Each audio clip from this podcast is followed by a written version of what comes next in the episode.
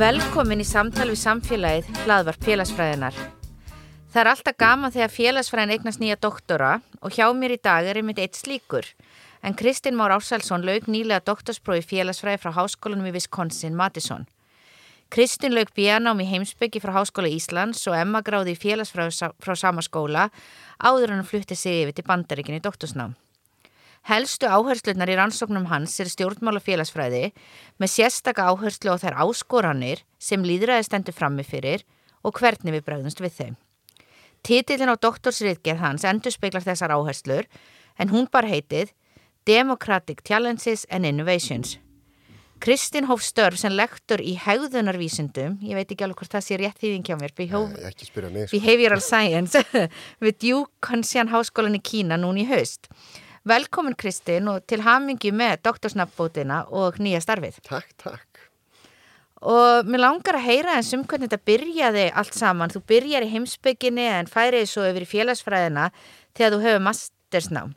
Hvernig kom það til og af hverju valdir þú félagsfræðina? Já, fram yfir heimsbyggina, sko. Eða uh, fram yfir bara allt sem ég mjög bara... Gert, já. Sko, ég tók félagsfræði í framhaldsskóla og ég, ég tók mér svolítið tíma í framhaldsskóla og ég hef verið mjög lengi að klára nám og það er svo sem ekkit óeðalegt held ég vegna þess að ég er fyrstu kynsluðar háskólinni og það er bara vel rannsaka og þekkt að það eru bara alls konar hindranir sem að þau sem eigi ekki fóröldra eða ættingi sem að hafa gengið uh, uh, mentabrautina uh, þurfa að glíma við. Og það er svolítið endurspeglu svolítið ég er lengi að klára framhaldsskóla, ég er lengi að klára háskólanám og svo framvegis. En þannig ég flakka svolítið mikið á milli það er eitt af svona einkjörnum maður er lengur að finna út hvað maður vil gera. En ég byrjaði heimsbygginni og var fyrsta ári og fannst það alveg óbúslega leðalegt og hérna uh, fann mig bara ekki þar. Þannig ég fór yfir í fjölasvæðina strax og fann mig heldur ekki þar. Fannst það heldur ekki mjög skemmtilegt. Uh, og svo fór ég skiptinam til bandaríkjuna í hálftar í heimsbyggi sem sko. og hvar? Þannig ég fór aftur tilbaka, ég fór semst í Oklahoma State University sem er mjög áhugaverð upplifun. Og ég er mjög gladur að hafa prófað að búa í Oklahoma. Það var merkileg lífsveinsla og skólinn bara fít sko veist, og þannig að ég fann mig svona einhvern veginn loksins þá fór ég svona að fóta mig í háskólaumkörnu þar. Já. Uh, en það er sko ástæðin fyrir ég vel félagsvæðina er til dæla einföld sko að uh, á endanum að þá var ég bara svo uh, ósáttur við heimsbyggina að það vantaði alltaf empirík Já. að þá voru bara of margar spurningar sem að bara blasti við það væri einfaldast að stíga út úr hjönslastofinni og bara skoða hvert svari geti verið, reyna að festa hendur á hvað væri raun og verið genast Nú eru alveg margar spurningar í hinsbyggi sem eru þessi eðlis að, að það er alveg eðlert að rökraða þær bara og, og skoða enga empirík sko. og siðfræði, stóri hlutar af siðfræði eru þessi eðlis. En það eru margar aðra spurningar veist, eins og í málheimsbyggi, uh, frumsbyggi og svo framvegð sem að er bara eðlert að spurja uh, empirískra spurninga Já. og fara og skoða. Þannig að það, var, það er einfald að svara þau af hverju ég valdi í félagsvæðan. Það er bara þessi trú á empíriska rannsóknir og mikilvægi þeirra til þess að svara spurningum sem eru innan heimsbyggju og félagsvísinda. Já, þannig að svona kannski á einfaldan hátt eins og við segjum stundum með félagsvæðan þessi ofur áherslu á gögn og þessi gögn í rauninni hvort sem að þau eru meginlega eða eiginleg sem að láta okkur segja eitthvað um félagsveruleikan. Akkurat, það var, það var þar uh, vissi ég loksins að það var, ég vildi freka verið félagsvísindum heldurinn í en síðan sko í raunuru hefði ég svona eftir á ekki hefði aldrei átt að vera í félagsfræði sko, ég hef átt að vera í stjórnmálfræði en maður veit það ekki fyrir löngu löngu setna sko, þannig ég byrjaði í félagsvísindum uh, og í mastersnáminu þá var ég að rannsaka háskóla og, og félagsvæði þekkingar og og þekkingasköpunar og svo framvegis þannig að mastersveikinu mín er um, um Háskóla Íslands og tókströð um völd og fjármunni innan háskóla og vísendarsamfélags Já. og fjallar því svegi sem ég algjörlega hef snúið uh, bakinu við og, og rannsaki ekki neitt í dag sko. ég, þegar ég kom í doktorsnama þá aftur þurfti ég að byrja upp á nýtt að finna, finna, hérna, komast inn í nýtt fræðasvið og, og, og svona fóta mig. Og Já. í dag stunda ég eiginlega bara rannsóknir á stjórnmálum Já, og byrti mest uh, greinar í tímaritum sem að byrta greinar um stjórnmál. já, Þannig að svona eftir að higgja hefði ég átti bara að fara beint í stjórnmálafræði. En það er auðvöld að vera vittur eftir á. já. Og stjórnmála félagsfræði er náttúrulega mjög stórt svið í bandaríkjunum. Þannig að það var eitthvað sem ég til dæmis kynntist þar sem að uh, þegar ég fór út var í rauninni fyrst að það voru mjög margi stjórnmálafélagsfræðingar við deildinni á mér og ég alveg byrja ég þykir vera stjórnmálafræðingar og þá náttúrulega var mér sagt mjög skilgreinilega hver væri munurinn á stjórnmálafélagsfræði og stjórnmálafræði. En þú semst ferði bandaríkjana og kannski svona segja mér og endar þar náttúrulega í bara eða ferði í einn af uh, toppskólunum í félagsfræði. Uh, þannig að svona að þú getur sagt mér aðeins frá því hvernig þú tókst á ákverðun að fara og læra í bandaríkjunum og svona aðeins frá þeirri upplifun að hvernig er það að vera í doktorsnám í bandaríkjunum? Það er aftur aðeins svona löngsaga líka sko. Því ég sótti fyrst um í doktorsnám 2007-08 Já, og komst ekki inn. En ástæðin fyrir ég horfði helst í bandaríkjana eh, held ég svona tildulega einfalt. Það er nú bara Þórulu Þólundsson var leifböndi minn og hann ítti manni svona frekar í það átt sko. Um að honum finnist það að vera skynsalögu kostur. Ég man ekki til þess, ég held kannski ég hef sótt um einn eða tvo í Európa á þeim tíma sko. Já. En ég aðalega bara horfði í þá átt. Uh, og ég held fyrst og fremst vegna hans áhrif á þeim tíma. Og aftur eins og ég segi, þú veist, ég er fyrstu kynsluðar háskólanemi og hafði bara ekki, þú veist, stuðningsnet til þess að, horfa, eða þess, til þess að ræða og koma með einhverja tillögur að öðrum valkostum, en ég reytti mig mjög mikið á, á hans ráð Já. á þeim tíma og, og komst ekki inn og síðan uh, kynist í konu minni, uh, við hefum von á batni og við köfum okkur íbúð og svo hrinur allt íslenska bankakerfið viku setna já, og við erum föst á Íslandi með tvær íbúðir, uh, hína íbúðin óselda og erum bara föst á Íslandi þarna í mörg ár. Hann tók mig sko sex ár frá 2008 til þess að byrja aftur í raun og vera að hugsa og komast aftur í, í nám.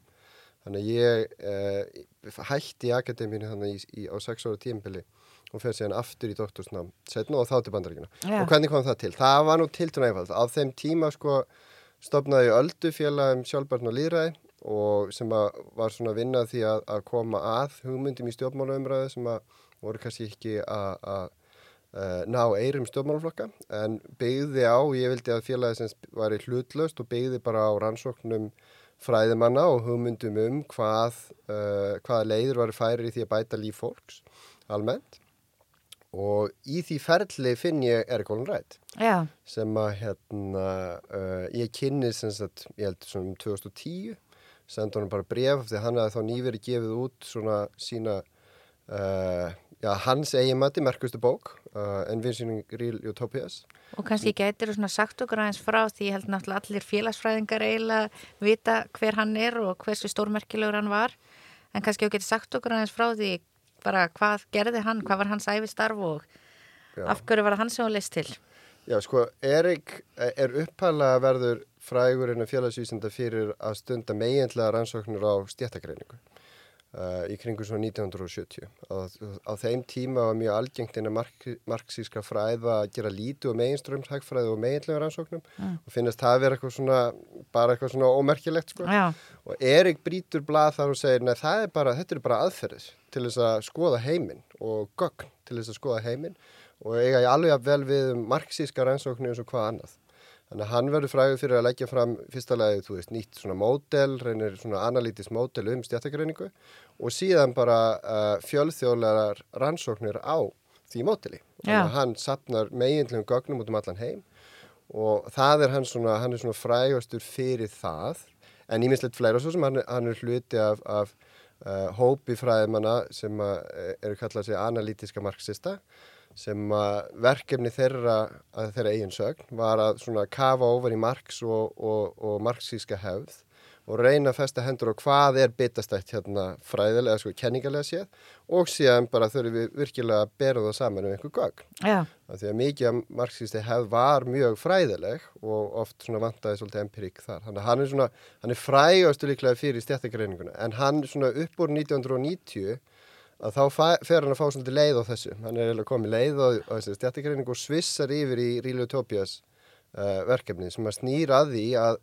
spurja hvaða leiðir eru færar í stjórnmálum og, og skipan samfélaga til þess að bæta líf fólks út frá svona marxísku sjónami, Já. út frá, út frá uh, valda ójafvægi og stöðu hérna versettu að þá byrjar hann að spyrja hva, hvaða leiðir eru færa, hvers konar stefnumál eru það sem að raunverulega gætu breytt einhverju sem eru ekki vel þekkt og hafa ekki verið vel rannsökuð og það er það, sá hluti, þessi setni hluti sem ég kynist honum í gegnum að því það smettpassar við það sem alltaf var að gera Já, þannig að það er hérna 2010 sem að já. þú kemur þá í samband við hann Út af þannig, því, þannig já. ég sendur hann bara bref út af, ég las bókina sem að koma út þá og ekkit, ég þekkti ekkit vel til verkans fyrir það en, en við sést náum vel saman strax þá og, og svona í kjálfari hvetur að millis að sækjum uh, aftur í nám og komir aftur í nám hérna. Og stiður mig, hann að eh, þegar ég sækjum í setnaskiptið að þá er það Erik sem er raun og veru lesi yfir all umsóknargögnin mín og, og stiðum mér því að sækja um og kvartir mér til að sækja um í aðra skóla.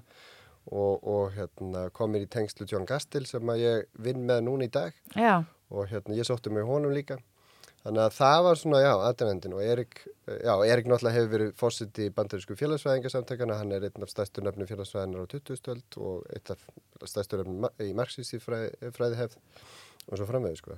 Þannig kom það eða til og ég sótti semst bara um til til að fá um skólum í sendaskipti. Sótti yeah. um í Madison og Penn Pennsylvania State og Yale og í raunurum leiðu ég komst inn í Madison og þá, þá skipti bara... hitt eða ekkert svo miklu máli sko. Af því að það, hann er eitthvað alltaf eftir að lista að fá að vinna með honum og, og fara þanga. Og eitt af því sem var, var alltaf á listunum hjá okkur að gera þegar ég var í framhalsnámi þar en gerðun og reyndir aldrei var að fara á svo kallar ratfest sem að Erik Olin Rætt stóð fyrir.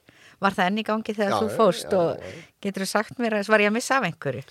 Uh, já og nei, ég meina, þú veist, uh, er, þetta er svona það sem Erik reyndi að blanda saman fræða fólki og aktivistum. Já. Og þess vegna var að kalla svona ratfest. Það sem var reynd að stefna saman fólki sem er á, á gólfunni eða göttunni að berjast fyrir einhvern félagslegum réttundum eða er í einhverju stjórnmála baratu. Uh, oft sérstaklega minnleitu hópa og síðan fræðafólki sem að þú veist er þá að glímaðu sömu spurningur og hann var að reyna að fá að brúa hann að bil þannig ja. að aktivistinu var að læra fræðafólkinu og öfugt þannig að ja. þú veist, er fræðafólki var að fá spurningar og insýn inn í störf aktivista þannig að brúa bilið á milli þessar hópa ég held að þetta talsveitu umdelt hversu vel til tókst. Og það var misjæmt í gegnum söguna. Þetta er, er búið að standa yfir alveg frá 1980 og 2 held ég sko. þetta er mjög gömul hefð hjá hann að gera þetta árlega að, að stefna fólki saman sko. og það voru tímabil það sem var mjög mikil gróska. Mjög stór fræðanöfn sem mættu og mjög mikil aktivistum sem mættu.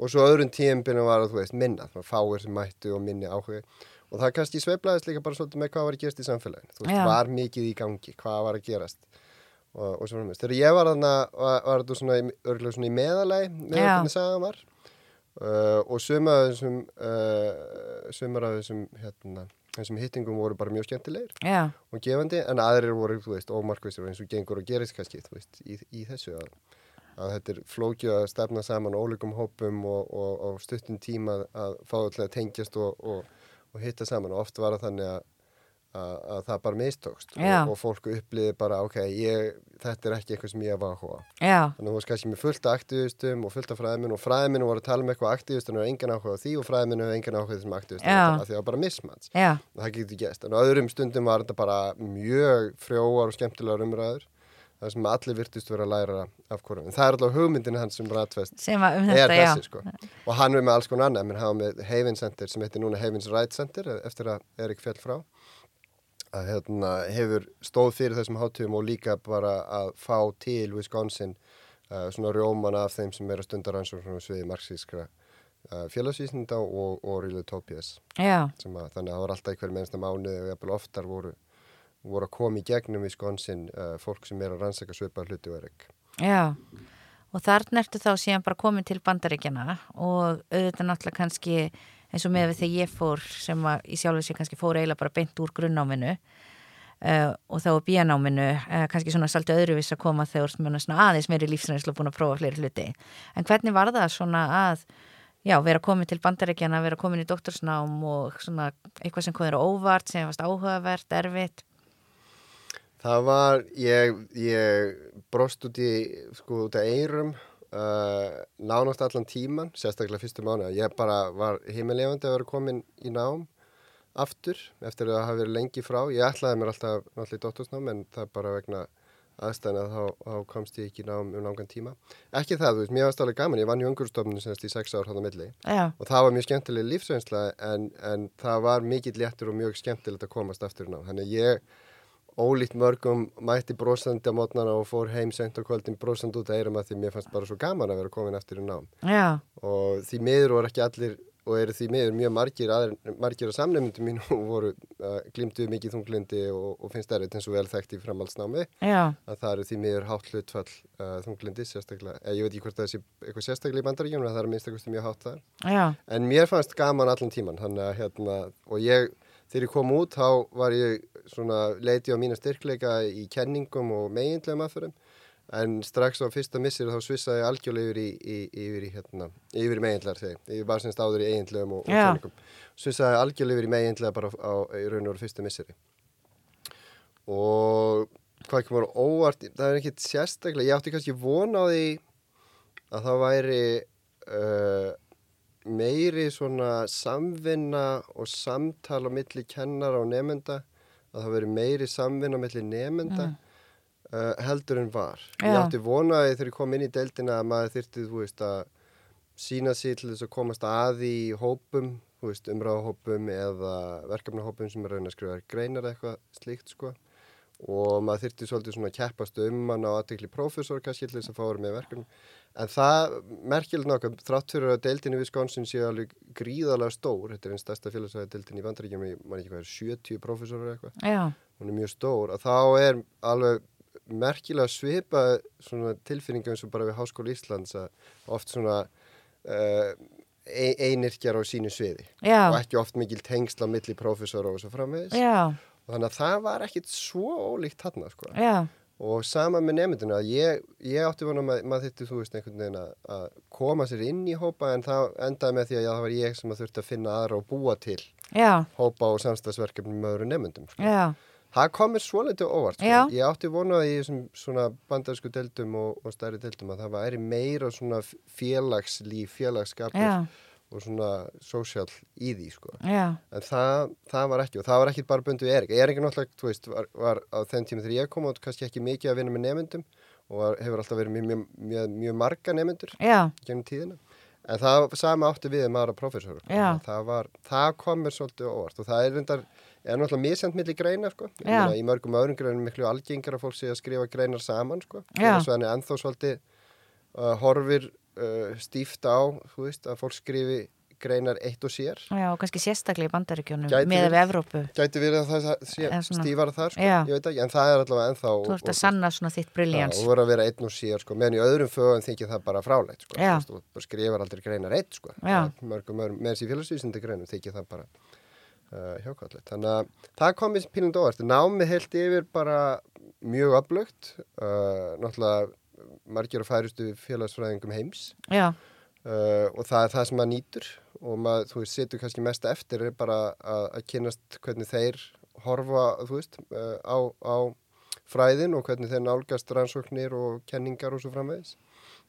Þannig að maður læriði mikið af, af fólki. Ég, veist, ég held að þetta skipa líka námið mikið betur, sko. já, Sérstaklega bara, þú veist, þessar tengingar og milli fólks og, og vinna það betur og líka bara að skipula betur í áttinaði markanum eins og hún er í dag. Já, að þú veist að byrja, ég, þú veist það er margir háskóli í bandaríkjum núna komni með árslöng uh, námski sem ganga bara út af það að, að skrifa greinar. Já, af því að eins og margarnir í dag en það er bara, það er eina sem að gildir sko. veist, allavega í bandaríkjum það farð ekki starf nema að vera með byrtingar nákvæmlega. og ef að námið er ekki gýraði það átt að, að þú náið þeim árangur og tiltala hrætt að þú ert eiginlega í raun og verður að að koma út greinum eftir tvö eða þrjú ár Já, af því að byrtingaferlið sem bara sjálft svo langt oft algjörlega. Þannig að það er svona, það, vant, það var ekki alveg komið þegar ég var. Ég veit að það var aðeins breytti síðan ég kom inn, sko. En, en það var svona eitt af þessum vanta. En eins og ég segi, maður lærði aðalega bara fólkinu sem að varðar. Já, og, Og- hvaða ár var það sem hún ferði út? 2014 Já, sem ég fyrir út. þannig að þú bara ferð og ert úti þegar Trump er kosin. Mhm. Og það kannski svona tengist dálítið mikið þínum viðfangsefnum. En tókstu svona eftir einhverjum breytingum, ég held náttúrulega og nú erum við svona kannski komin yfir það tímabil eða spurning hvað gerist næst, en fannst þér að mikil breyting að vera? Ég náttúrulega flytt heim þarna í júli 2016 og ég viðkenni það alveg að ég var mjög fegin að hafa tekið það ákvörðun og bú ekki bandaríkjunum þessi fjögur ár. En svona daglega lífið, þú veist, var einhver munur þarna í Ekki fyrir mig. Nei, og það eru tvær megin ástæði fyrir því. Önnur svo ég er ekki bandaríkjumæður, ég kýs ekki og er ekki hluti af bandarískum stjórnmálum þannig. Og sem erlendur nemi í bandaríkjunum þá er ég bara í raun og veru í, í bólu eða búblu. Og þetta bara snertir mig ekki neitt sko. Það voru raun og veru mjög fáar ákvarðanir sem að ríkistu Trump tók sem að snertu á mér beint. Sko. Breytingin uh, var fyrst og fremst að það fer mikið heilapláss í að Trump síðan. Og ég veit að það voru margir profesóri sem hættu bara að fluttu til Európu bara út af því sko. Því þeir bara hugsa með þess að ég bara ég hef ekki tíma í kaffestofuspjalli sko. Bara, hugsa það bara þannig og ég, ég og skrifstofufélagi minn á þeim tíma stuttu eftir kostningar við ákvaðum bara strax að setja reglu að það banna að tala um Trump fyrir eftir klokkan fjóru dag. Bara til þess að koma ykkur í verk það var ekkit mál að verja bara hverjum einasta degi í marga vikur röð að tala bara um hvað var að gerast í bandarískum stjórnmálum á þeim tíma. Þetta er náttúrulega mjög áhugaverð og merkilegu tími. Uh, en því miður var það þannig að, að maður þurfti að, að sk- skila einhverju verkefnum og klára námskið og skrifa greinar. Þannig að við tókum þessu en auðvitað tölum við mikið um stjórnmála ástandi það breytti í sjálfur sér eiginlega engu fyrir mig. Já, ég var búin að ákveða á þeim tíma þú veist hvað verkefnum þetta væri og hvað, hvað rannsóknir og það breyttist hún ekkit eftir í kom. Já, nema ég bætti aðeins við sko óknir líðræðsins ég var aðalega fókusur á sagt, nýbreytt, eða sem sagt, nýjungar og tilrunum í líðræði já, en sagt, jú, ég bætti en ég var búin að bæta því við áður en að Trump kemst til valda sko að vera að skoða populism og polariseringu já, svo framvegis þannig að þetta sjálfur kannski jú getur sagt að þetta var styrt mér þeirri trú að vera mikilvægt að halda áfram að rannsaka það en þurftu svo sem ekkert á því að halda sérstaklega. Nei, það en já, en, kannski, en, en eins og ég segi, þú veist, bara að vera í, í háskóla og erlendur nemi, það hafði allavega mig, hafði það engin, geta ekki sagt að það hafði einn svona sérstök bein áhrif á mig, en það hafði náttúrulega mjög mikil áhrif á mjög marga aðra já, í bandaríkjunum og við töluðum náttúrulega mjög mikið um það já, sem nemar, en hérna, en bókstala takmörkun tíman já, til þess að koma það er, það er mjög sniðugt. En það þá líka kannski svona er uh, gott að færa okkur yfir í aðeins rannsóknir þínar og svona það sem þú kannski leggur mest áherslu á sem er í mitt líðræðið og mér langar kannski aðeins að byrja á heildarmyndinni um það og hvað þú svona sér sem helstu ógnirnar sem að stafa að líðræðinu og svona kannski setja það í einhvað samhengi á milli landa og þú náttúrulega kannski mikið skoðað í bandaríkjunum en auðvitað líka kannski einhverju leiti á Íslandi og í Evrópu. Já, ég hef stunda aðalega rannsóknir í bandaríkjunum Já. hingað til, en ég hef aðeins, ég hef sagt frá því eftir, við hef aðeins fært okkur í áttina að Európu núna nýverið.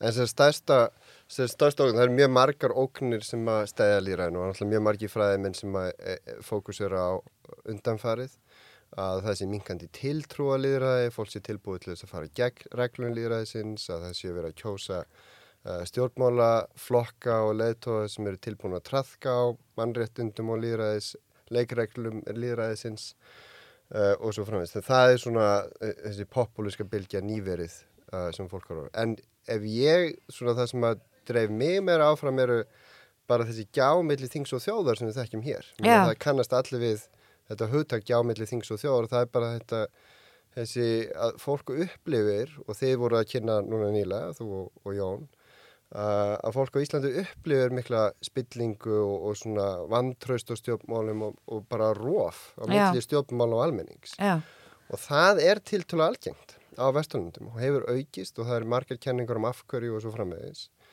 Og það er líka til talsveit mikið rannsóknum að sína að það er talsveit fótur fyrir þessu. Meina, sérstaklega í bandaríkjunum að það eru rannsóknum sem sína fram að það sé bara mjög lítil tengsl á milli þessum að stjórnmálamenn gera og þessum að almenningur hefur áhuga á því að þeir geri. já, Og, og það sé mikil tengsl á milli fjársterkra aðal og stjórnmálaflokka og að stefnumál þeirra komist í gegn. Ég meina, Við munum hérna í hruninu þá stærði viðskiptar að segja af því að hvað að 70-80% tilöðin þeirra eru það Þú veist, bara svona dæmi um, þannig að áskorun þarna er að, brúa þessa gjá.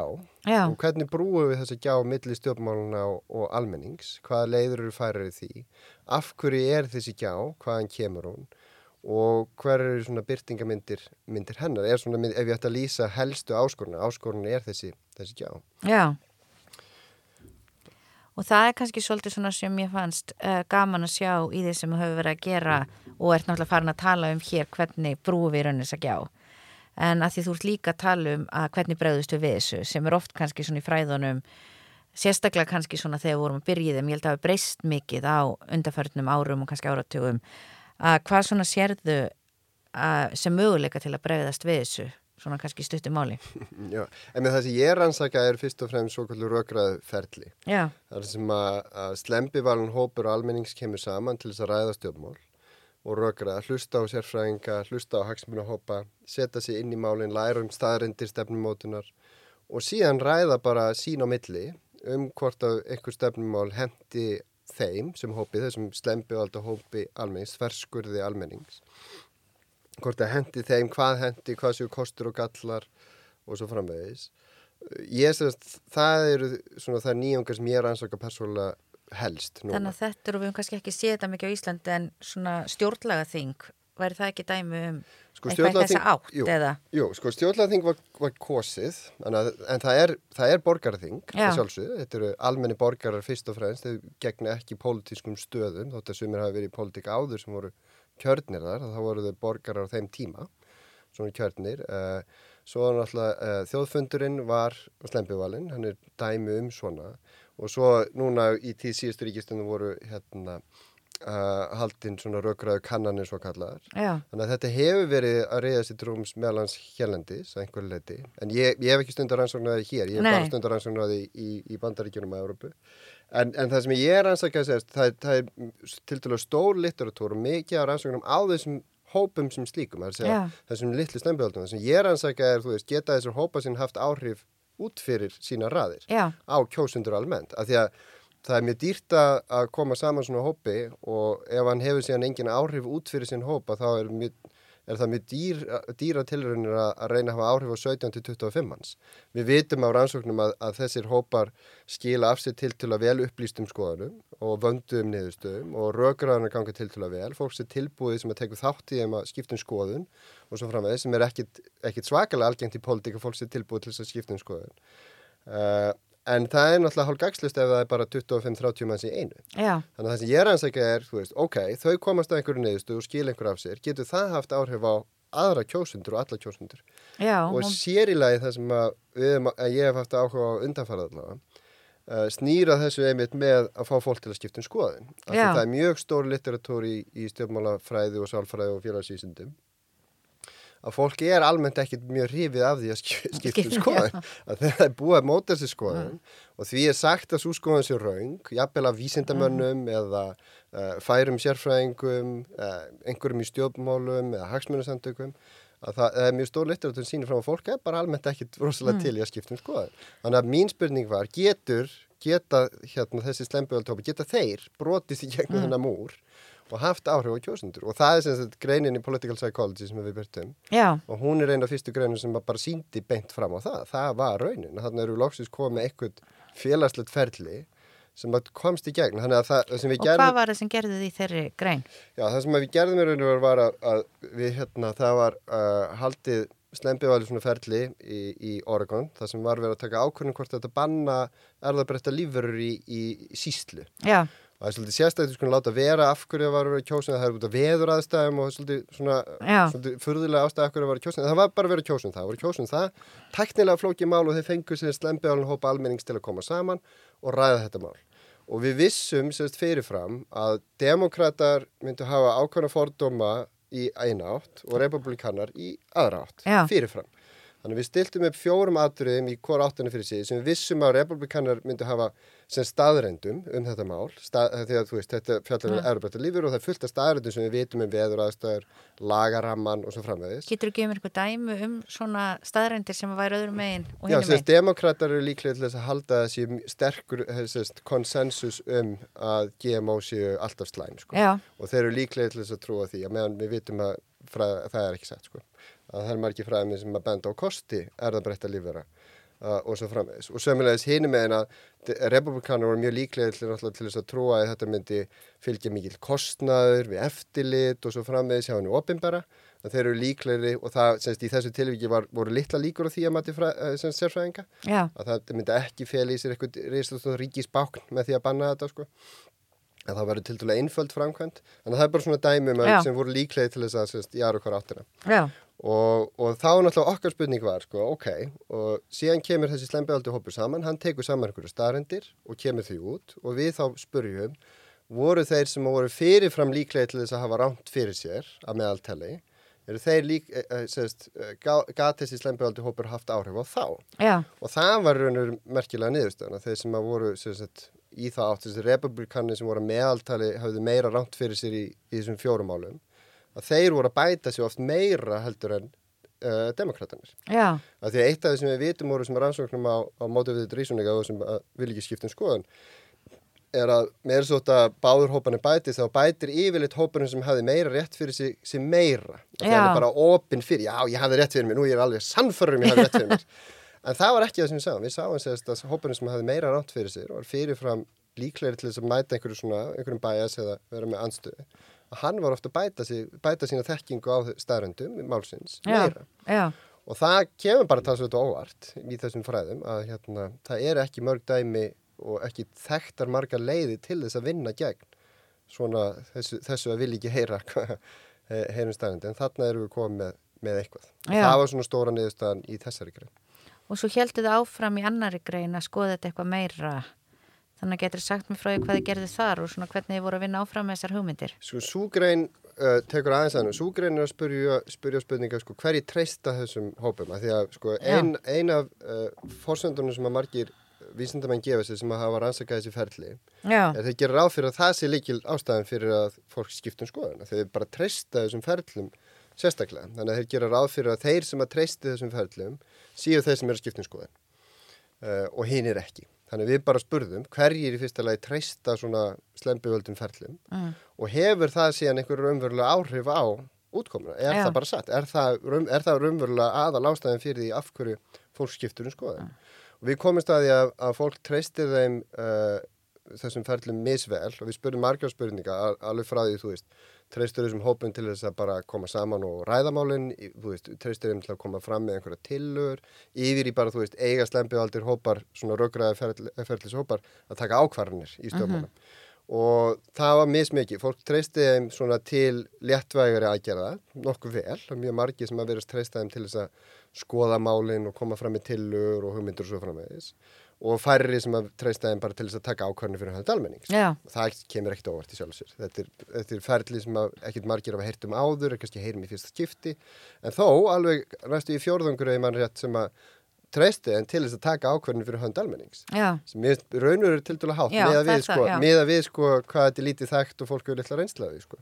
en það var svona fyrsta, fyrsta var bara svona kortleiki hver, hversu margir treysta og það er svona misjamt og, og svona fleiri varkárir fleiri varkárir þegar það kemur af svona stærri ákvörðinum og meira valdi til þessar hópa en síðan í setnulutunum þá fundum við bara eiginlega mjög litla vísbendingu eða enga um að þetta tröst var aðalatrið þannig að það virðist vera þeir sem að treysta þessum ferlum og þeir sem treysta þeim ekki eru álíka líklega til þess að skipta um skoðin mm. og læra af þeim upplýsingum sem þau fá frá þessum hópum. Já. Það kemur aftur svolítið óvart að, að sko, þetta var eina, eina aðal kenningin um afhverju steinbyðanferðli höfðu uh, væri að hafa svona mikil áhrif á fólk. Þannig að það kom okkur, okkur svolítið óvart mm. og við ætlum að elda það og við komumst líka því sem að uh, í þessari grein sem er áhugavert að, að lýsingin á steinbyðanferðlinu, hvort það var uh, slempi valið eða ekki hvort að þau hittu sérfrænga eða ekki hvort þau hittu hagsmunahópa eða ekki hversu langun tíma varð í ferlið miklu meða litlum.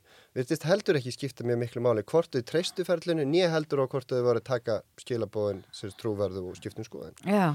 og það kemur líka mörgum þeim, að þeim sem að skipulegja þessi ferli óvart í þeirra huga er þetta líki latri að ef þú ert ekki með slembuval, ef þú ert ekki hlustar ekki sérfrænga, heyrir ekki ólík sjóna með hagsmunahópa uh, gefur ekki góðan tíma í, í röggrar þá eru þessi ferli léleg. Já. en almenningi verðist það verðist ekki skipta almenningi sérstaklega miklu mál að vita þetta uh, þessar upplýsingar eða staðarindur um þessi ferli.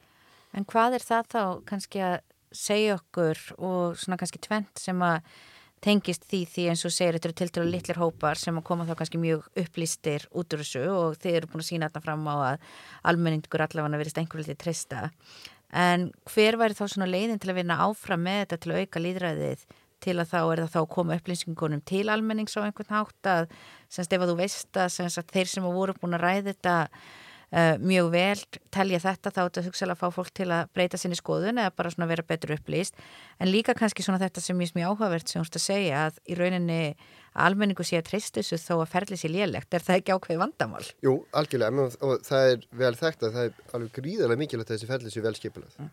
Það er mjög auðvelt að gera það illa og klúra og eitt af það sem skiptir eila mestumál eru svo kallega lóðsar, það er þeir sem stýra umræðan og við vitum það að rannsóknum að, að ef að þeir eru spiltir að þá getur þeir algjörlega eðalagt ferlið auðvöldlega og þannig að það er alls konar leiði sem fólk notar, með þrjá lóðsa þannig að það er eftirlit, lóðsannir fylgjast með hverju öðrum mm. um að það sé ekki spiltir og það er líka bara teknilegum ástæðum að það er mjög þreytandi að stýra umræðum í marga klukktíma Já. þannig að það er bara svissa, það er bara, það er bara varamannabekkur sko, af svona lóðsum, bara svona sem dæmi um mikilvæg þess að þessi ferli séu vel Já.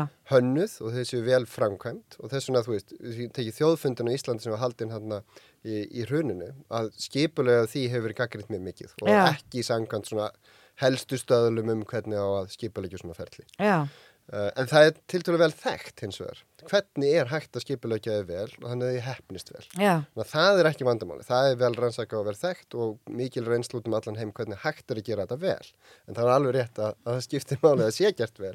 Og það er pínu svona, já, almenningu virðist treystaðum alveg sama hvað. Þannig að við þurfum þá sem samfélag að ef við ætlum að nota svona ferli að tryggja gæði ferlana strax. Eins og við segir, það er hægt að framkvæða með illa og almenningu myndi samt uh, treystaði með einhverju leiti. Og það skilur eftir spurningu, við erum ennþá svolítið með opna spurningu, af hverju er það nákvæmlega sem að fólk treystir þessum ferlum? Já. Og, og við erum með tvær kenningar gangi sem við ætlum að reyna að prófa nú næstinu. Önnur er svo að, að, að textin sem þau skrifa, að hans hljómi bara öðruvísi, þess að uh, samskiptamátin og, og bara tótnin í textanum og hvernig þau setja frá sér efnið sé bara öðruvísi heldur en það er að kemur frá stjórnmálamönnum með hagsmjörnsamtökum og þess vegna sé fólk svona opnari fyrir því. Samstæðismöfn John Gastel, hann er professor í communications eða samskiptum. Og það er svona hans, eina af hans kenningum. Þetta, það er bara það er bara allt annað blær yfir einhvern veginn upplýsingunum og fólk bara les í það. Já. síðan er ég með aðra kenningu. Ég held hins vegar að þetta sé að almenningu sé bara að taka þessu sem normatífu normatífum upplýsingum. Já Það er að segja að fólk heyrir slembivalun hópur almennings, það heyrir þverskurður, heyrir bara eitthvað fólk, ekki já. okkur einni átti eða eitthvað. Og því finnst þetta og þá hugsaður með sér, já þetta er líklega bara það sem að flestum finnst. Já. og við vitum það mjög stór litteratúr sem sínir fram á að fólki tilbúið skiptum skoðan það heyrir að flestum finnst eitthvað, já. að þau séu einhverjum algjörum minnirhlut og það kemur um óvart. Og mér grunar að það geti verið það sem er að gerast. Er þess, og þess vegna skiptir þau einhverjum áli hvort þetta vel hefnað ekki, því það sem þau eru bara að lesa í er Já, þetta er bara meira hlutu skoðan. Já, meira hluti, hugsanlega einhvað hlutleysi komið að Já. þú veist þetta sé... Bæði demokratur og republikana með og veist, það er ekki að henda reyður á neitt, það er engin hópur ráðandi að hana og þá hugsa fólk bara með sig, já, þetta er bara, þú veist, flestir og ég er kannski eitthvað að miskila hlutinu bara, ég er þá til ég að fara. Því, það er mjög stór litteratur sem sínir fram á það sé að, að reyfa við hegðun fólks með því að segja því að nágrannar og þú veist, og ef það, það er líka sínt fram að ef að þú eru að gefa upp hvað þú gerir, gagvart nákvæmum þá breytur það hefðinni. Og í áttina það sem þú heldur að séu norm. Já. og í, það er það sem mig grunar að gæti verið að gerast þannig það, það er svolítið, þú veist, bara áhugavert fræðilega að vita, Já.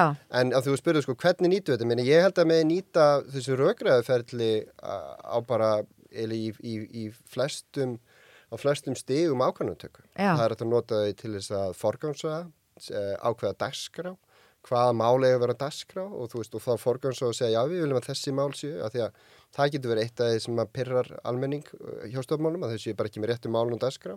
Og þá er þetta náttúrulega stæmböðald að hópa bara til að ákveða dagskrána fyrir stofnmálum og segja bara já, þetta eru málun sem eigi að ræða. Við já. viljum ekki að þessi mál séu til umra á þessu þingi.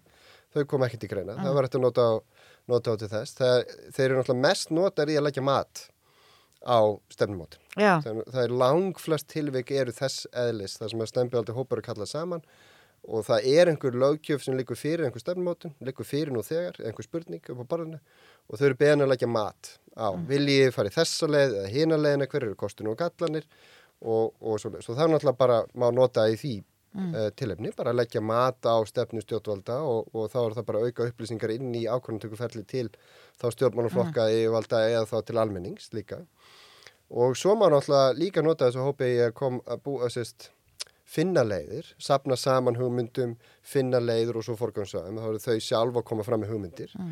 og að lokum er náttúrulega mætti þessuna að nota þetta líka bara til þess að taka ákvarðanir. Mm -hmm. Því að hugmyndin um raugraðaferlin er að leitað upplýstri afstöðu almennings. Mm. Af því að eitt af þessum stjórnmálafræðingar hafa rannsakað lengi er að það er alveg þekkt að almenningur er ekkit rosalega upplýstur um öll málu þetta og það, það segir sér sjálf, það er ekkit hægt. Það er engin upplýstur um öll málu stjórnmálum og, og það er mikið rannsókn sínir fram á að fólk kýs oft svona, þú veist, þegar að kjósa í atkvæðagreislum og þjóðaratkvæðagreislum að það er svona gott instinkt eða eitthvað svona, það er ekkit endilega rosalega upplýst afstöð mm. og raugraðferðlinn voru hannu til þess að vinna gegn þessu, til þess að spurja, betur hvaða afstöðu myndi almenningur hafa ef hann hefði virkilega pælt í því. Já. virkilega sett sér inn í málinn lagt sér fram við að hlusta ólíksjóna með hver væri þá afstöðu almennings? Mm. og, og það er raun og verið, þú veist, ástæðin fyrir ég hef svona talsvöld að trú á þessu. En við skulum samt um með það hérna, ég er enþað í þeim fasa að spurja spurningana virkar þetta, hvena virkar þetta, hvena virkar þetta ekki og svo framvegis. Þannig að mitt rannsóknarprojekt gengur allt út af það að spurja erfiður spurninga, þú veist, hvena virkar þetta ekki hvena fer þetta úrskiðis og svo framvegis en hinga til höfum við ekki enþá netta vekk með, við hefum ekki fundið neitt sem er svona eitthvað já ok, þetta er bara alveg, þetta gengur ekki þessum tilvíki. Uh, þannig að það er það er alveg ástæðan til talsverðu bjartsinni. Og sömur hafa lagt til, Erik Ollenrætt meðal annars, hann hefur lagt til að efri deild þinga sér slempivalinn, að þú notir svona rökraðu ferli sem efri deild í þingi mm. og hugmyndinni þá að stjórnmálflokkanir séu þeir sem að leggja fram mál í raun og öru og svona reyni að, að keppast um hugmyndir og stefnumál en það þurfur síðan að hljóta náð efri deildar almennings, mm. að hljóta náð upplýsts almenning sem mm. að setja sér inn í það sem að stjórnmáluflokkanir vilja að, fara í gegn mm. og, og Erik, bæði Erik og Gastel sem ég við með núna hérna, uh, lögðu það til í bók mm. að, að svo leiðir því reynd uh, en hún er náttúrulega ekki verið reynd til neinstæða sko. En það er bara að þú spyrum dæmi um hvernig hægt er að nýta það þá er það ja. mjög mikil, það er bara mjög breytt svið uh, sem hægt er að nota þetta. Bara upplýsingaöflun fyrir stjórnmál, stjórnmálamenn, þú veist, að skilja bara hvað hva finnst almenningi, þú veist, og fá, draga fram þeirra sjóna með þetta, þú veist, þeir notast undir rínihópa, þetta er bara eins og rínihópar á styrum, þú hugsaður á þannig, rínihópa koma saman í svona stuttan tíma, þetta er, þú veist, kemur saman í 2-3 vikur og miklu meira svona utanamhald og stífara strúttur, en gagnast náttúrulega mjög vel í mm. því, í raun og veru allar í stefnumótum sérstaklega þegar hún er erfið, að reyna átt að segja á því, hvar, hvar liggja vegir saman, Já. hvar liggja þeir í sundur meðal almennings og svo framvegis. En mér finnst líka áhugavert að því að þú tala nú um þessar oknir við líðræðið og gjáamilli þings og þjóðar og slíkt og náttúrulega myndist á þarna að þetta geta verið eitthvað sem stjórnmálaflokkar geta nýtt sér til að vita hvað almenningur vil, af hverju er vilja ákveðna hlut og hvernig er forgangsræða og þá held ég að spurningin kannski svona vaknisvöldið en er það eitthvað sem stjórnmálaflokkar enn til að hafa áhuga á þar sem að þeir auðvitað eru með sína hagsmunni, kannski einhverju leiti, sína hugmyndafræði um hvernig uh, veröldin á að virka og vilja kannski einhvern veginn ná að aðlaga orðræðu almennings að því eða er ekkit endilega að hugsa um almenning sem heilt, heldur að hugsa um hverju kjósa mig og hverju koma mér á þing. Og við sáum til dæmis í gær held ég að veri fréttunum mikilvægustu málefnin þar sem heilbreyðismálinn kom á toppin og svo umhverfismál og svo vorum við með sko, landbúnað og ESB bara tiltölulega lágt í allavega þeirri konun en það kannski er í mikil anstöðu við hugmyndafræð hjá okkur flokk sem að myndi þá jafnvel bara verða ennagressífari í að reyna að sína fram á mikilvægi þess. Þannig að já, það er svona kannski spurningin að heldur að stjórnmálaflokkarnir séu tilbúinir að hlusta á svona eða myndi vilja í rauninni kannski sjá mótel þar sem við erum með miklu betni þáttök almennings. Já, ég held að þetta sé svolítið opinn spurning, sko. Já, ég, sko, og ég hef ekki stundar eina mm. beina rannsóknum. Þetta er eitt af því sem eru á listanum. Og eitt af því sem er á listanum er líka átt að segja því, hvernig virka þessi hlemböðuldu hópar þegar ef við förum að nota þetta í miklu meira mæli. Og stjórnmálaflokkarnir fara að veita þessum ferli meiri aðtikli og þeir fara jafnvel að tala gegn þeim og tala á niður og svo framvegs. Hvað gerist þá? Ja mingar þá tröst almennings á þessum hópum þegar flokkurðin segir, sem að þú stiður mm -hmm. segir þetta er nú bara einhver kommunismi þetta er einhver vittisa og svo framvegis. Hvað gerist þá? Ég held að það sé einu spurningun sem ég ætla að reyna að rannsaka núna næstu árum er að reyna að uh, sagt, hanna tilraunir þar sem við prófum að senda skilabóð frá stjórnmáluflokknum fyrst, stjórnmáluflokknum eftir og sjá hvort að þeir geti nýkað uh, áhrifunum sem að slempiðaldi hóparinn er að hafa. Þannig að Ja. það er eina spurningunum. Ég held að þessu opin spurning og ég held að hitt, sko, hitt get ég ekki svara nákvæmlega, þú veist, Já. hvað gerist. Við höfum dæmið það sem hafa verið haldin, haldin ferli meðal hans á Írlandi, það sem það er blanda saman slempiðaldum almenningi og stjórnmálumennum Já, það sem við sitja saman í herbyggi og það er, það er svona ímislegt jákvæmt sem hefur komið út úr í að mati fræðimanna að, að sérst, stjórnmálamennir uh, skildu vel það sem að, að almenningunum við segja og almenningur skildi betur það sem að stjórnmálamennum við segja. Þeir svona skildu hvort aðra mikið betur sko og að að einhverju leiti hefur fólk verið ánætt með það.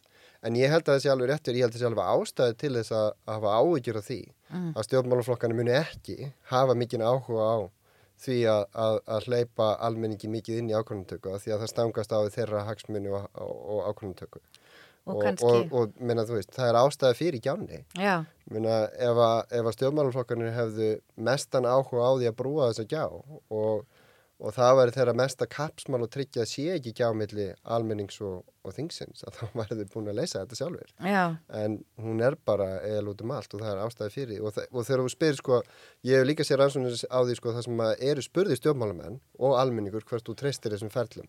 Og stjórnmálamenn treysta þessum ferlum alltaf minna heldur en almenningur sjálfur. Já, og hefur alltaf aðeins minni áhuga á því að veita þeim völd sko alltaf meira hikandi. Stjórnmálamenn sjálfur alltaf meira hikandi gagvart þessum, þessari nýjung sko og almenningu meira til í að hlusta, meira til í að, að, að, að, sjá þetta sem hluta af, af lýræður.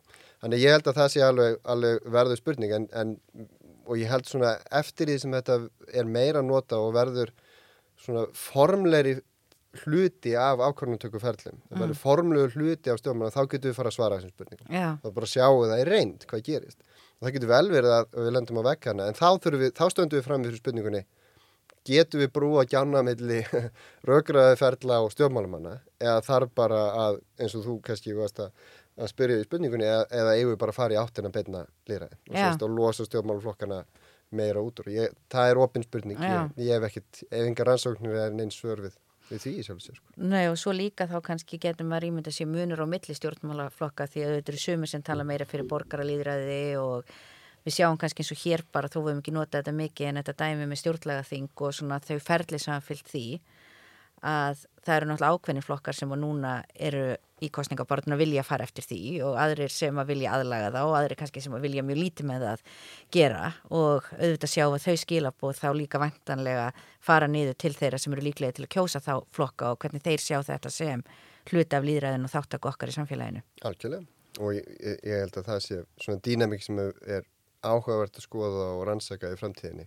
Hvernig er samspilið þarna milli? Já, Og hvort að þú veist að sé raunhæft. Kannski er það bara ekkit raunhæft að, að blanda saman stjórnmálaflokkum á þessum ferlum. Kannski keira stjórnmálaflokkana bara yfir þessi ferli og hundsa þau alveg sama hvað. já, Og kannski þarf bara að skilja þarna milli og í, í, sko í mörgum tilfellum er, er það gert þannig að, að þessir raugraði ferlinu eru notuð í aðdraganda atkvæðagreisla, það sem erum að kjósa í þjóðaratkvæðagreisla eða þess. Þá Já. kemur saman með svona slempjálan hóp, hann skilar sínu niðurstöðun til kjósunda sem er að fara að kjósa um máli hvort þið er og kjósundur nýta þá þær upplýsingar í að taka upplýstari ákvarðan. já, Og þar eru stjórnmálaflokkarnir svo sem ekki, ekki beint að taka ákvörðun. Þannig að þannig er almenningu sjálfur að taka ákvörðun. Þótt að stjórnmálaflokkarnir tali inn í ferlið, þannig að segja við sína umbjóðundur, kjósið á eða nei og svo framvegis, að þá er það ekki, þeir, þeir eru ekki úslita, úslita hérna, ákvörðun í þeim ferlum. Þannig að það má líka hugsa sér eitthvað svoleiðis að, að það sé búin til ferlið til hliðar við ákvörðunum tökur stjórnmálaflokka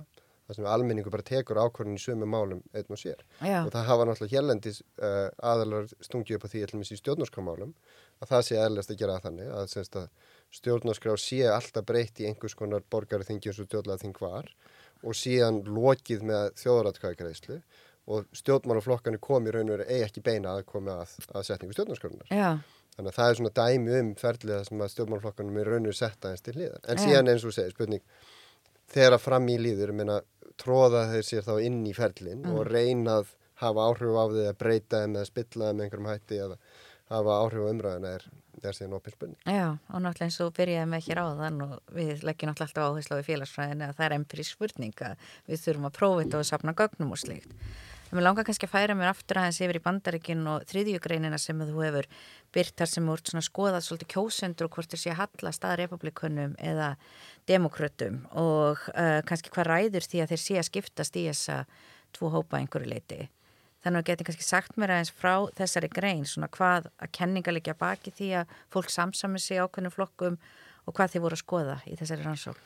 Já, ég syns að Þannig erum við meira að tala um ógnunar. Þannig erum við að skoða polariseringu í bandaríkjunum. Já, er einhver góð þýðing á því á íslensku? Ég var svona að reyna, þegar ég var að lesa greinina en að kíkja á hana og ég var bara svona, hvað er polarisering? Þú veist, þetta er náttúrulega við erum farið í sitt hverju auka kent áttina. Ég held að skautin sé eitthvað sem, sem er nota en, en ég er síðasti maður til að spyrja um þýðingar á íslensku. Ég hef ekki skrifað grein af, í, í, í félagsræð íslensku síðan sko 2005 eða eitthvað sko. Já. Með þess að mastersvíkinu mín var einsku, þannig að Ég, ég er mjög slappur þegar ég kemur að íslenskum orðum á uh, í félagsvegi uh, Já, en semst ég get nota skautinu sko. uh. Já, það er líka bara kannski sem að svona flestir myndu skilja, bara við erum að tala um í rauninni, bara við erum að fara lengur og lengra í mismunandi skoðanir á einhverjum ákveðnum álöfnum Já, og semst polarisering í bandarskum stjórnmálum hefur verið uh, stort viðfangsefni fræðmanna frá svona cirka 1990 uh, mjög stort og stóra niðurstæðan úr, úr uh, þeim rannsóknum er svo að, að það hefði ekki orðið mjög mikil polarisering í bandarísku samfélagi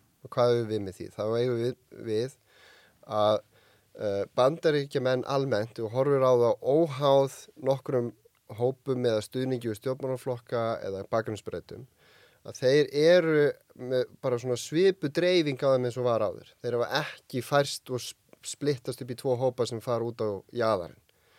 Hins vegar það sem hefur gæst er að þegar við skoðum demokrat og republikana að þeir hafa raðað sér betur út á jæðarinn sikkur megin, Já. fært sér frá hverju öðrum. Það er að segja tengingin á milli stjórnmála, eh, stuðningsu stjórnmálaflokk og afstöðu til ímjömsa mála og hún hefur styrkst. Það er að segja einfalt að lýsa þessu. 1975 að þá var mjög lítill munur á stjórnmála afstöðu republikan og demokrata. Mm. Að þú tókst bara handahóið republikan og demokrata á göttunni og spurður á stjórnmála afstöðu þá höfðu þau mjög svipaða skoðanir.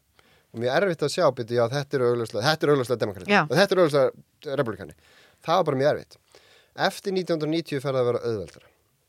Þá fer að vera auðveldara að taka einhvern á göttinu og hann svara og þú segir að þetta er demokrati. Mm. Ég sé það strax. Já og þegar við komum 2018 og ég, ég og félagið mér erum um að gera eina grein um nákvæmlega þetta veist, hver, hversu mikið hefur þetta þessi tengsl aukist uh, hjá uh, conservatives og liberals semst í, í bandaríkjum og þetta hefur veist, og sérstaklega bara rétt og síðustu árum eftir Trump hefur þetta aukist bara mjög hrætt Já. þannig að nú er orðin nokkuð nokku skýr munur á republikanum og demokratum. Þetta er samt áhugavert út frá því að að við þekkjum það í mörgum vestrannum lýraðsvíkjum að almenningur er oft mjög sammála Já. þvert á flokka um mjög mörg mál það eru mjög mörg mál sem að almenningur er bara sammála, Já. alveg þvert á flokka. En það sem er gerast í bandaríkjunum er að þeir eru að færast talsvist í sundur.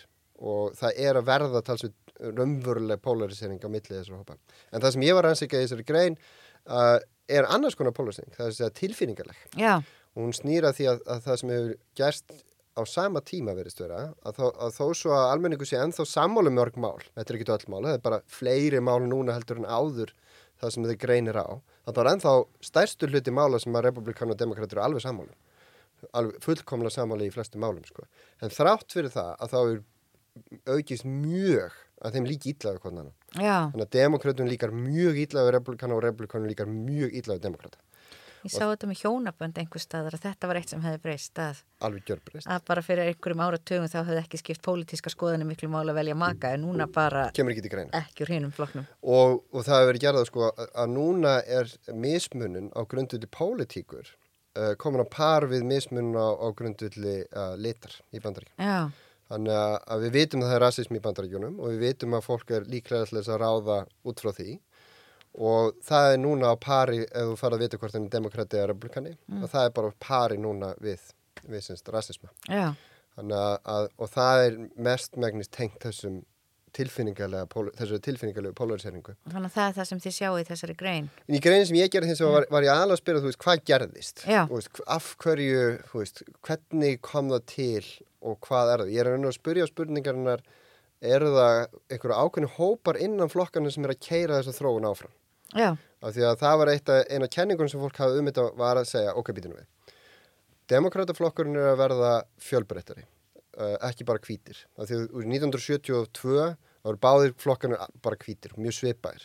Líta mjög svipa út þessi flokkarna þessi mikil stöðningur svartra við, við uh, demokrataflokkin á þeim tíma að þá er bandar í samfélagi ennþá bara það einsleitt. Það er bara það margi hvítir að flokkarnir er ekkert svo ólíkir. Núna er það þannig að demokrataflokkarnir er að verða til helminga hvítur og, og fólk, uh, sagt, people of color.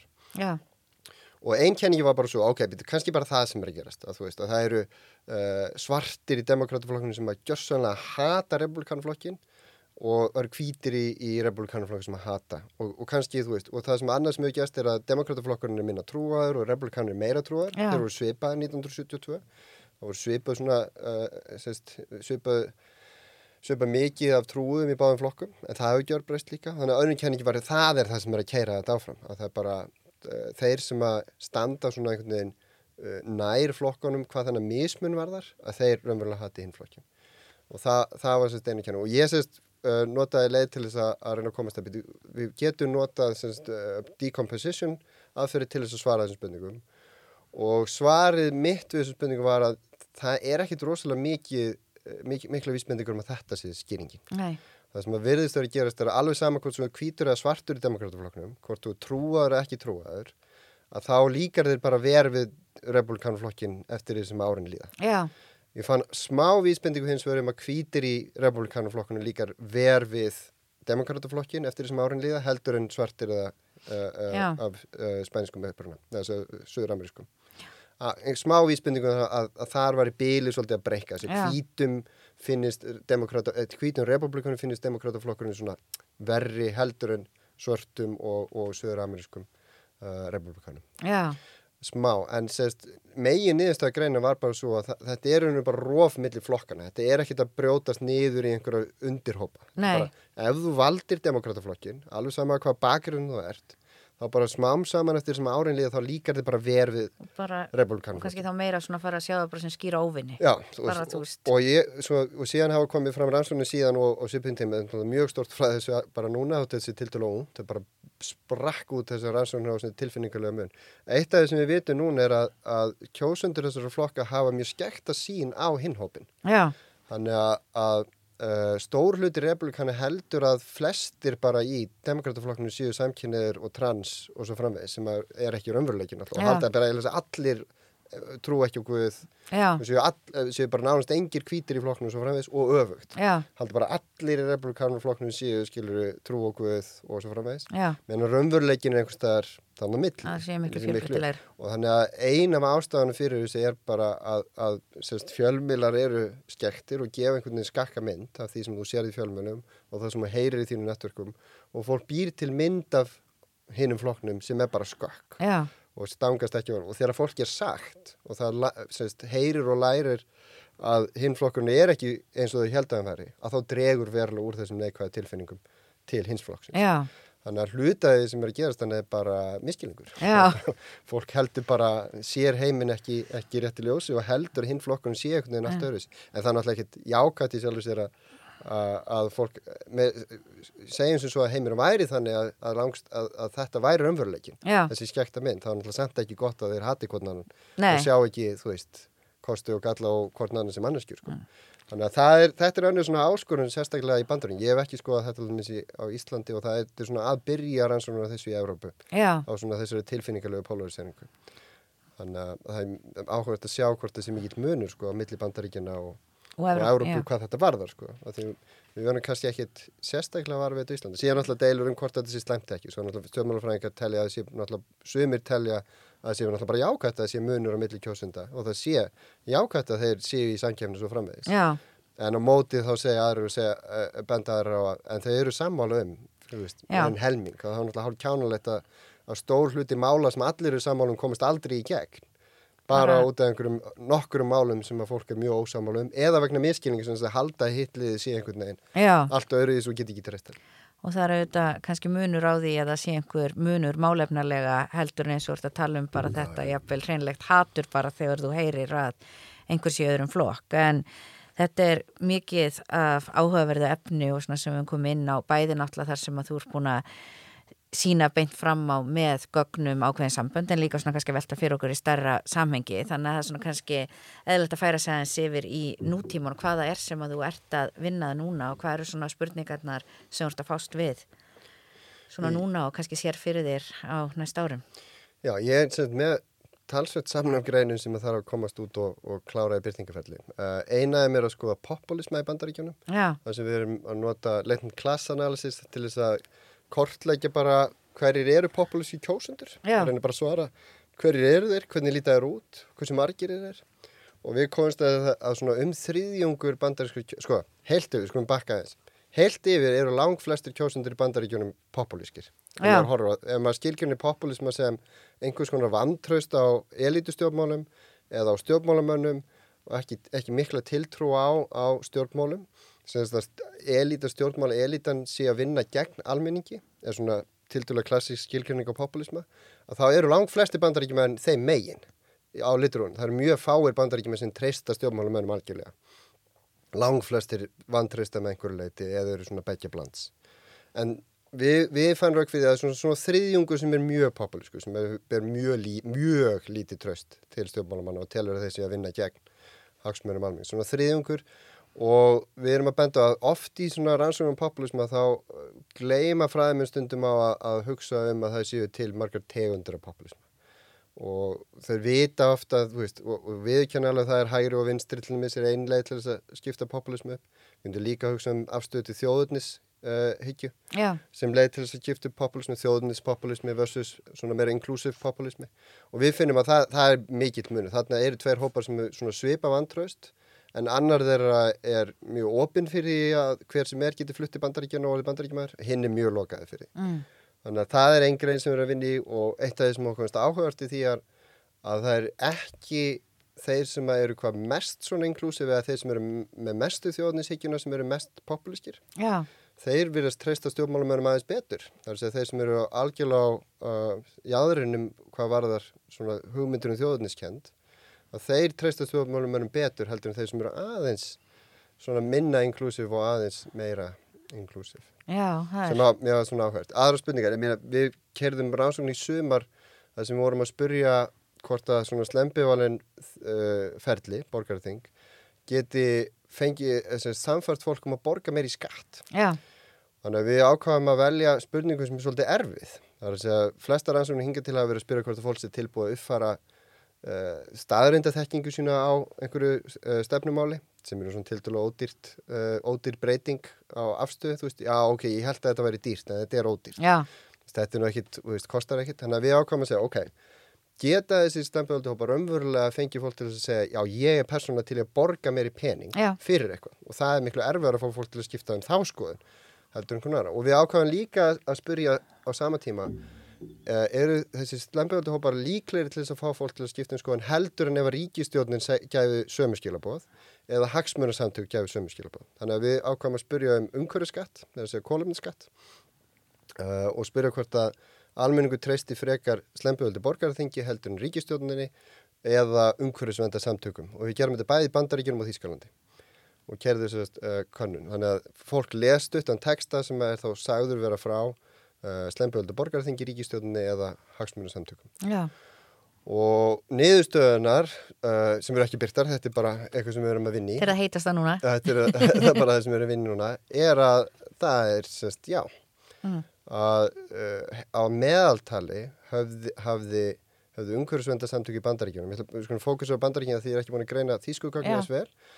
Í bandaríkjunum hafðu umhverfisvenda samtök, sem Sierra Club, sem við völdum í þessu tilfelli, höfðu engin áhrif á almenninga meðaltali. Já. Hreyfðu ekkit, voru ekki, gátt ekki samfært almenninga meðaltali að jafnaði uh, um að borga herri skatt. Ríkistjóðin hafi svona pínu lítil áhrif. Mm. Uh, þannig að það var svona meðaltali að það, það var svona alveg á jæðurinnum, við vorum nokkuð vel powered rannsókn, alveg jæðurinnum að væri hérna significant uh, áhrif. Uh, en borgarþingin hins vegar hafðu stærstu áhrif Já, og afgjörndu og alveg bara nokk, nokkuð, ekki, ekki, þetta er ekki heilt staðalfráku en eitt hannig en, en svona miða við rannsóknu við vit, eh, voru áhrifin talsveit mikil af því að lesa bara hálfa já, myndi maður segja. Og fólk var sem sagt tilbúið að borga Já. meiri skatt af því, ef það heyrir að slempivalin hópur borgara mm, uh, leggur það til.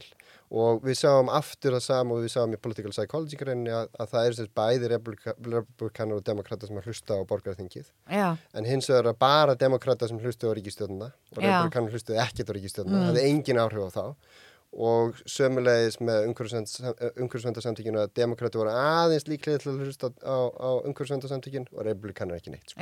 Þannig að af þessum þremur leiðum, ef maður er að hugsa, veist, hvernig nýka maður almenningi einhverja átt, að þá var þetta eina leiðin sem gæti nýkað öllum hópum. já, En það eru samt, þarna sjáum við, muni held ég, ger ég ráð fyrir að við munum sjá ákveðin mörg, sko, að þeir sem eru með mjög sterkar skoðun á því að, að, gróð, að, hérna, lofslagsbreyninga séu ekki að mannavaldum, að stempiðaldi hópurinn nær ekki til þeirra. nei, Það eru ákveðin takmörk og ég held að það sé alveg eitthvað sem við áttum alltaf að vona. Auðvitað, þú veist, skipt, getur ekki skipt, eh, fengið hvert sem er til að skipta um skoðun um hvað sem er. Það eru mjög sterkar skoðun á einhverju sem er alveg gjörsanlega öfu og átt við það sem einhverju er að segja er. Að þá þarf meira til heldur en halva blaðsíðu frá já, einhverjum stempjöldum hóp út í bæ, sko. En- En að meðaltalið þá, þá voru eins og ég segja, bæði demokratur og republikanar þarna. Síðan er ég að gera rannsóknir á, á hérna, uh, líðræðsnum fyrirtækjum já, með samnefnda og hérna þar sem við erum að skoða kenningar sem hafa verið lengi á lofti um að ef þú uh, vinnur í líðræðslegu fyrirtæki, þar sem sem þú tekur þátt í fyrirtækinu ákvörnumtöku að þá sértu líklegri til þess að taka þátt í sjálfbóðlega starfið eða félagsamtökum já, og þetta er svona kenning sem hefur verið mjög vinsæl og eru oft haldið á lofti en gögnin hafa verið svona tvíbænt, það hefur svona verið í báðar áttir uh, semst rannsóknir á þessu í, í ára tví já, og við sagt söfnuði semst uh, samstæðsfélagi minn Laura Hansson Slagter í, í Wisconsin safnaði uh, svona stærstu spurningarkornu hjá líðræðslegum fyrirtækjum bandaríkju sem hefur verið framkvæmt bara ever. Mm, og við erum svona svolítið að, svona blása á þetta. Við viljum segja að þetta að það sé meira um það að, að fólk velji að vinna í líðræðslega fyrirtæki heldur en að líðræðslega fyrirtæki séu að hafa áhrif á starfs já, það nákvæmlega, sé f- líklega fólk sem selection bias það sé Sér. fólk sé að leita að þú bara, þú hefur mikinn áhuga á félagslífi og félags, uh, félagsamtökum og sjálfbá og svona verið í pólitík og svona og þá ertu líklega til þess að leita upp í líðræðslega fyrirtæki heldur en ekki sko. já, Þannig að það, og síðan erum við líka bara að reyna svona að, að, að breyka sviðið og myndin og segja, svo er líka annar möguleiki sem að fyrir kenningar sem við gerðum ekki ráð fyrir að fólk bara skipta milli. Að þegar þú, va, þú varst kannski í rosalega miklu sjálfbæðlega starfi, svo ræður þau til vinnu í líðræðslu fyrirtæki sem úr þáttakandi í alls konar ákvörðantöku innan fyrirtækisins. Að þá er bara líkur á því að þú minkir til móts já, að þú bara jafnir út tíman sem þú í sko, og, og þegar þú varst fastur með fyrra sjónarotn og alltaf að leita tengslum í aðra áttina að þá fræðið mér ofta held ég bara mist af því í gögnunum sínum að það hittir kannski gerast líka. Já. og burnout og svo fleira sem að við erum svona bara benda á, við erum að reyna að opna á frekara samtali í þessum fræðum. Já, að reyna að fá fólk til að hugsa í hináttina hvenar er það sem að fólk leitar upp í líraðisli fyrirtæki eða þáttöku í fyrirtækjunum? Leitast eftir því að gera fyrirtækin sín meiri svona þáttöku vettvangi uh, að því að svo spurning hefur bara leiðið eða óhrefð að því að það er allir verið að skoða, skoða Sko- hvenar hafa fyrirtækin áhrif á einhverju þáttöku í samfélaginu. Meðan við erum að spyrja být hvenar hefur hugsanlega bara það að hafa verið þáttakandi í samfélaginu áhrifin í fyrirtækin? Já, algjörlega. Þannig að við erum, við erum að reyna að opna það. Ég Já. held að þetta séu svona helstu. Já, og mér langar svona kannski aðeins að lokum að þetta er náttúrulega rosalega mikið af áhugaverðin rannsóknum og slíkur. Mér langar svona líka að færa mig inn í annað sem að er mjög áhugavert og mér fannst mjög áhugavert til ég sá á Facebook að þú væri búin að taka stöð í Kína. Það er svona ekki á hverjum degi sem við sjáum íslenskt fræðafólk vera komið með akademiska stöðu í Kína. Þannig að mér langar að heyra aðeins um það og bara svona hvernig það hefur gengið hinga til og að vera hér á Íslandi en með vinnu í Kína og svona hvað þú sér fyrir þér varðandi framtíðina að væntalega flytja þangað og verða allavega í einhver tíma fræði maður við kínverskan háskóla. Já, sko, uh, ég er náttúrulega bara búin að vinna hann sinni í júli en uh, og átti vonaði að vera komin til Kína en vegna ferðartakmarkana uh, þá, þá getum við ekki flust til Kína sem stendur og hugsaði ekki fyrir næsta sumar um, þetta er náttúrulega bandarískur háskóli í Kína. Já, Þannig er, þetta er Duke háskóli, þetta er bara útibú Duke uh, í Kína í sjálfsög. Þetta er í samstarfi við Wuhan háskóla reyndar. Þetta er ekki í Wuhan einu sinni. Mm. Uh, þetta er stutt frá Shanghai í Kunshan hér og hérna er Kunshan borg. Uh, og er bara mjög spennandi og eina megin ástæðin fyrir ég valdi að, að fara þangað er að þetta er nýr háskóli sem er að reyna að gera hlutina öðruvísi og er opinn fyrir því að gera hlutina öðruvísi heldur en í hefbundum háskólum og það hendar mér, mér mjög vel. Ég hafði talsverða áhyggjur að því að þetta lenda í mjög íhaldsum og hefbundum háskóla og vera leiðilega í görun og kennarastofinni sem allir eru bara, ó, getur þess ekki farað að þagna, þú veist, þannig alltaf að reyna að íta hlutunum einhverja aðra áttöldin, bara ég vil hafa hlutunum eins og það hafa verið. Þannig gefst manni tækifæri til þess að uh, reyna, ég sést með diplómprófi í kennslufræði líka og hefur verið, og, og, og kennslufræðin hefur með krítiska ákveðni háskólar sinna sínu námi mjög lengi, uh, sérstaklega fyrirlestraformið og þess vegna fannst mér mjög spennandi að fá að vera með í, í þessum háskóla hérna í Djúk, uh, í Kunshan að því að það leggja mjög mikla áherslu á því að tengja stíft saman uh, kennsluransóknir og kennslu þannig að, að það er miðstöð kennslu, kennsluransóknar við háskólan sem að vinnur með bara stöðut þannig að ég er líka að fara að stunda rannsóknir á kennslu já, Þannig að við ætlum að reyna að gera einhverju tilrunir í námskeiðum og sjá veist, hver er umverulegur árangur og áhrif af því að kenna, nota þessa aðferð, frekar en einhverja aðra aðferð. Hvernig kennum við færni frekar heldur en þekkingu? Og hvaða færni er það sem við getum kent uh, hratt og örgla? Hvaða færni er erfitt að kenna og hvaða leiðir höf og hver er munur á milli hópa? Hvaða kennsla aðferði henda sumum hópum betur heldur en öðrum? Uh, velstæðu nefndum, millitu hópum, fyrstu kynslaðar háskólanum og svo framvegis. Þannig að svona kennslu þáttunum var eina af ástæðum sem ég hafði mikinn. Önnur ástæð var bara mjög spennandi að prófa eitthvað nýtt. Ég hef aldrei komið til Asíu einu sinni. já, nákvæmlega. Þannig að þú veist, eh, það er bara eitthvað sem er bara gaman og spennandi og maður lífi bara einu sinni að prófa eitthvað bara algjörlega nýtt. Og það er bara strax, ég er strax að kenna við háskóla sem allir eru með annað tungumál, ekki sitt fyrsta tungumál. Þannig að ég er Íslendingur og enska er náttúrulega ekki mitt móðumál og ég er að kenna eiginlega bara fólki frá Kína eða, já, þau eru öll frá Asíu sem eru bekknum vinum. Þeirra móðumál er ekki enska heldur, þannig að það er eitt sem er bara strax áhvert og líka bara að vera innan um uh, meiri hluta fólk sem er ekki vestrætn eða af sama upprunni ég. Er nú þegar strax að læra á menningamun, í, á mentakerfum, á uh, trúabröðum og svo framvegis. Þannig að mér, mér fannst það mjög spennandi og þessi háskóli býður upp á bara fín tækifærlu stundaransóknir og, og, að mínum að þetta er bara eitt mest spennandi svona háskólaprojekt í heiminum í dag því að veist, það er ekki hverjum degi sem að nýr háskóli er stopnaður og nýr háskóli sem að hefur talsveit svona bolmagn ef þetta er djúk sem að á, er einn af ríkustu háskólum í heimi. Þannig að það er verið að leggja mikið mikið kraft í að prófa eitthvað nýtt og reyna að gera hlutina bara nýtt. Og mér finnst það mjög spennandi og ég hef náttúrulega verið að kenna bara ekki um neti hinga til. Ég hef svo sem kent ekki um neti áður þannig að það kemur ekkit óvart hvernig það virkar. Það, ég veit alveg hvernig það virkar og það er bara eins og það virkar. Það er, mér finnst svo sem skemmtilega að vera með krökkum í tíma en, en þetta er bara áhugavert og það er mjög áhugavert að vera að reyna nýjar kjenslu að fyrir gegnum netið. Það er talsveit meira áskorun en, en bara mjög spennandi og skemmtilegt og, og hefur virkað bara fínt hinga til. En við erum öll, öll fjölskyldunum spenntum að, spennt að komast til, til Kína á endanum þegar að fara takmarkonum léttir.